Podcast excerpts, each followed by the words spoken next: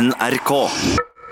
Vi har sett det i religiøse sekter når hundrevis tar selvmord fordi sektlederen sier du skal det. Og vi så det under kulturrevolusjonen i Kina, der kineserne hadde utvikla teknikker for å omprogrammere sinnet. Og så har vi de som er scientologer, japanske selvmordsbombere, eller de som tar på seg bombebelter. De er òg hjernevaska, eller er de det, psykolog Egon Hagen? Ja, jeg vil si at de er det.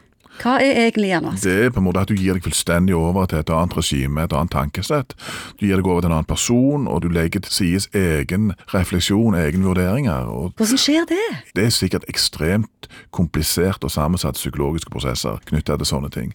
Jeg tror det er verre å bli hjernevaska som 50-åring. Det er lettere å ta de yngre. Yngre folk, altså lettere å få indoktrinere folk når de er yngre. Det er jo ikke for ingenting at folk er så opptatt av barnetro.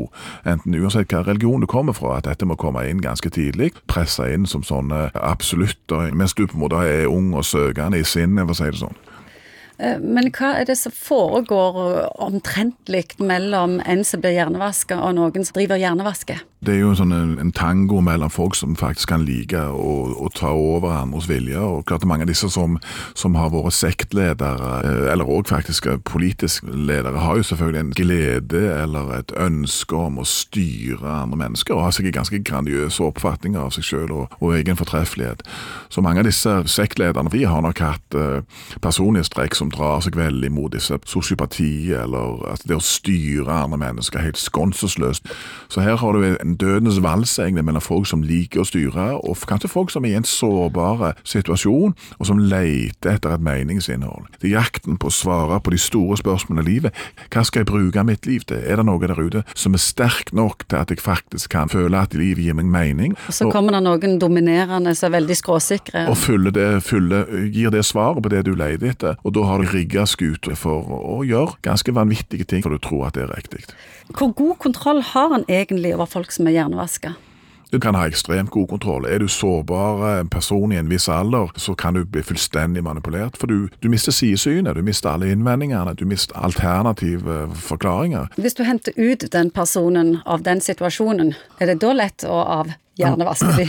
Ja, Vi ser jo det i forhold til mange religiøse greier. Folk som slutter godt ut av Jehovas vitner, f.eks. Og altså, den type ting som har vært ganske problematisk.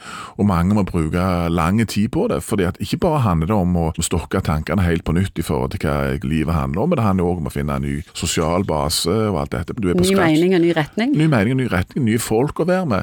Det er sikkert knytta til veldig mange psykologiske faktorer som skam, kanskje skyldfølelse, usikkerhet. og hvis Hvis ikke er det lenger, hva i all verden er jeg da? For du har gått fra å sitte på en enorm, skråsikker betongblokk om hvordan verden henger sammen, til plutselig å være ute her med resten av oss andre som ja, gjør så godt vi kan, men ikke er så skråsikre verken på det, på det ene eller det andre. Men hvor går egentlig grensen mellom eh, det å hjernevaske og det å bare være i en sosial påvirkning? Jeg tenker på skolen i Norge, for eksempel. Er det en form for hjernevask av barn og ungdom, hva vi står for og mener i Norge? Eller når du religiøse mennesker, parforhold, familier, forhold til mat, kropp, idrett Altså de, de sosiale påvirkningene. Hvor går grensen mellom hjernevask og, og sosial påvirkning? Det er kanskje en, en sånn glideskala, kan du si. at uh, Mange har jo problematisert dette med kristendomsfaget. For eksempel tidligere, når vi, når vi gikk på skolen, så var det bare det. Og nå er dette blitt endra, og det er, det er mer pluralisme, for å si det sånn. Det er mer sånn uh, spørsmål som, som stimulerer til refleksjon, og se dette utenfra. Og finnes det andre måter å oppfatte dette på? Vise hvor mangfoldig egentlig verden kan være. Og med en gang du begynner å snakke om mangfold og pluralisme, og alt dette, så er jo det en liten sånn kraftig vaksine mot sånn ensretta hjernevasking. Så jeg tror vi skal holde dette hjernevaskingsbegrepet knytta til sektor og ekstreme politiske ytringer, og for ellers så mister det noe av verdien. Så kan du selvfølgelig si det at det vi holder på med nå i forhold til strømninger som går til skam, og det er skam for alt mellom himmel og jord, og, og, det, og dette blir sånn kollektive bevegelser som veldig mange hekter seg på. Vi skal ikke bruke ord som hjernevasking, men det er et eller annet med det òg som jeg syns kanskje er litt sånn flokkmentalitet, i hvert fall. NRK.